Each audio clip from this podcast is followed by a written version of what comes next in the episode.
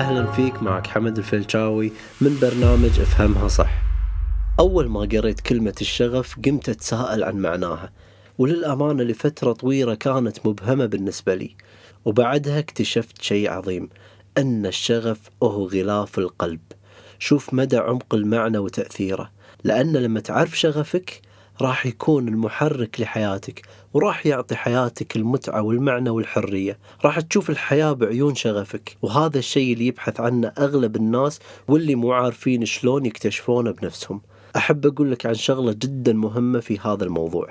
الأهداف راح تتنوع في حياتك والفرص بتكون حولك كثيرة. وممكن تلاقي إنك تقدر تحقق أموال من وراها لكن بتحس إنك مو قادر تبدع فيها.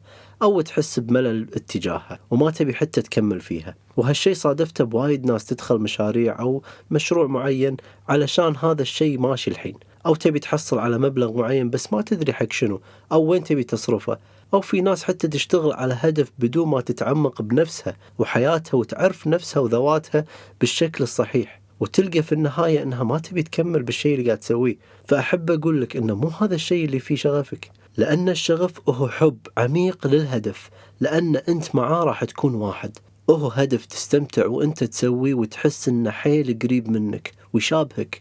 ولو وصلت لهذه المرحلة راح تلاقي إن هذا الشيء بيحقق لك أموال وثروات لأنك جمعت فيه كل من طاقتك وإمكانياتك ووجهتها للشيء اللي تحبه. الحين أكيد راح تسأل نفسك زين أنا مو عارف شغفي شنو أسوي؟ خل أقول لك طريقة جدا بسيطة وراح أحط لك هم طريقة ثانية موجودة بالدسكربشن تحت. أضغط عليها ونزل التمرين.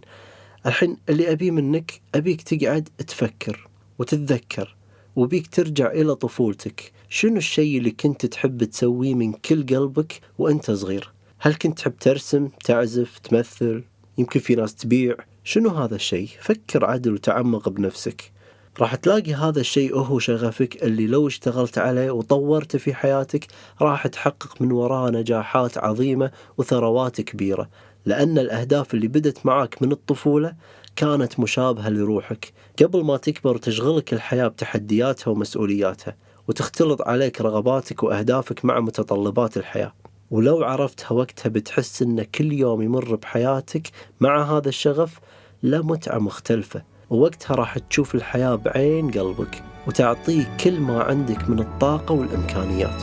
وتذكر الشغف هو الطريق السهل والممتع عشان توصل للثراء اللي تبيه.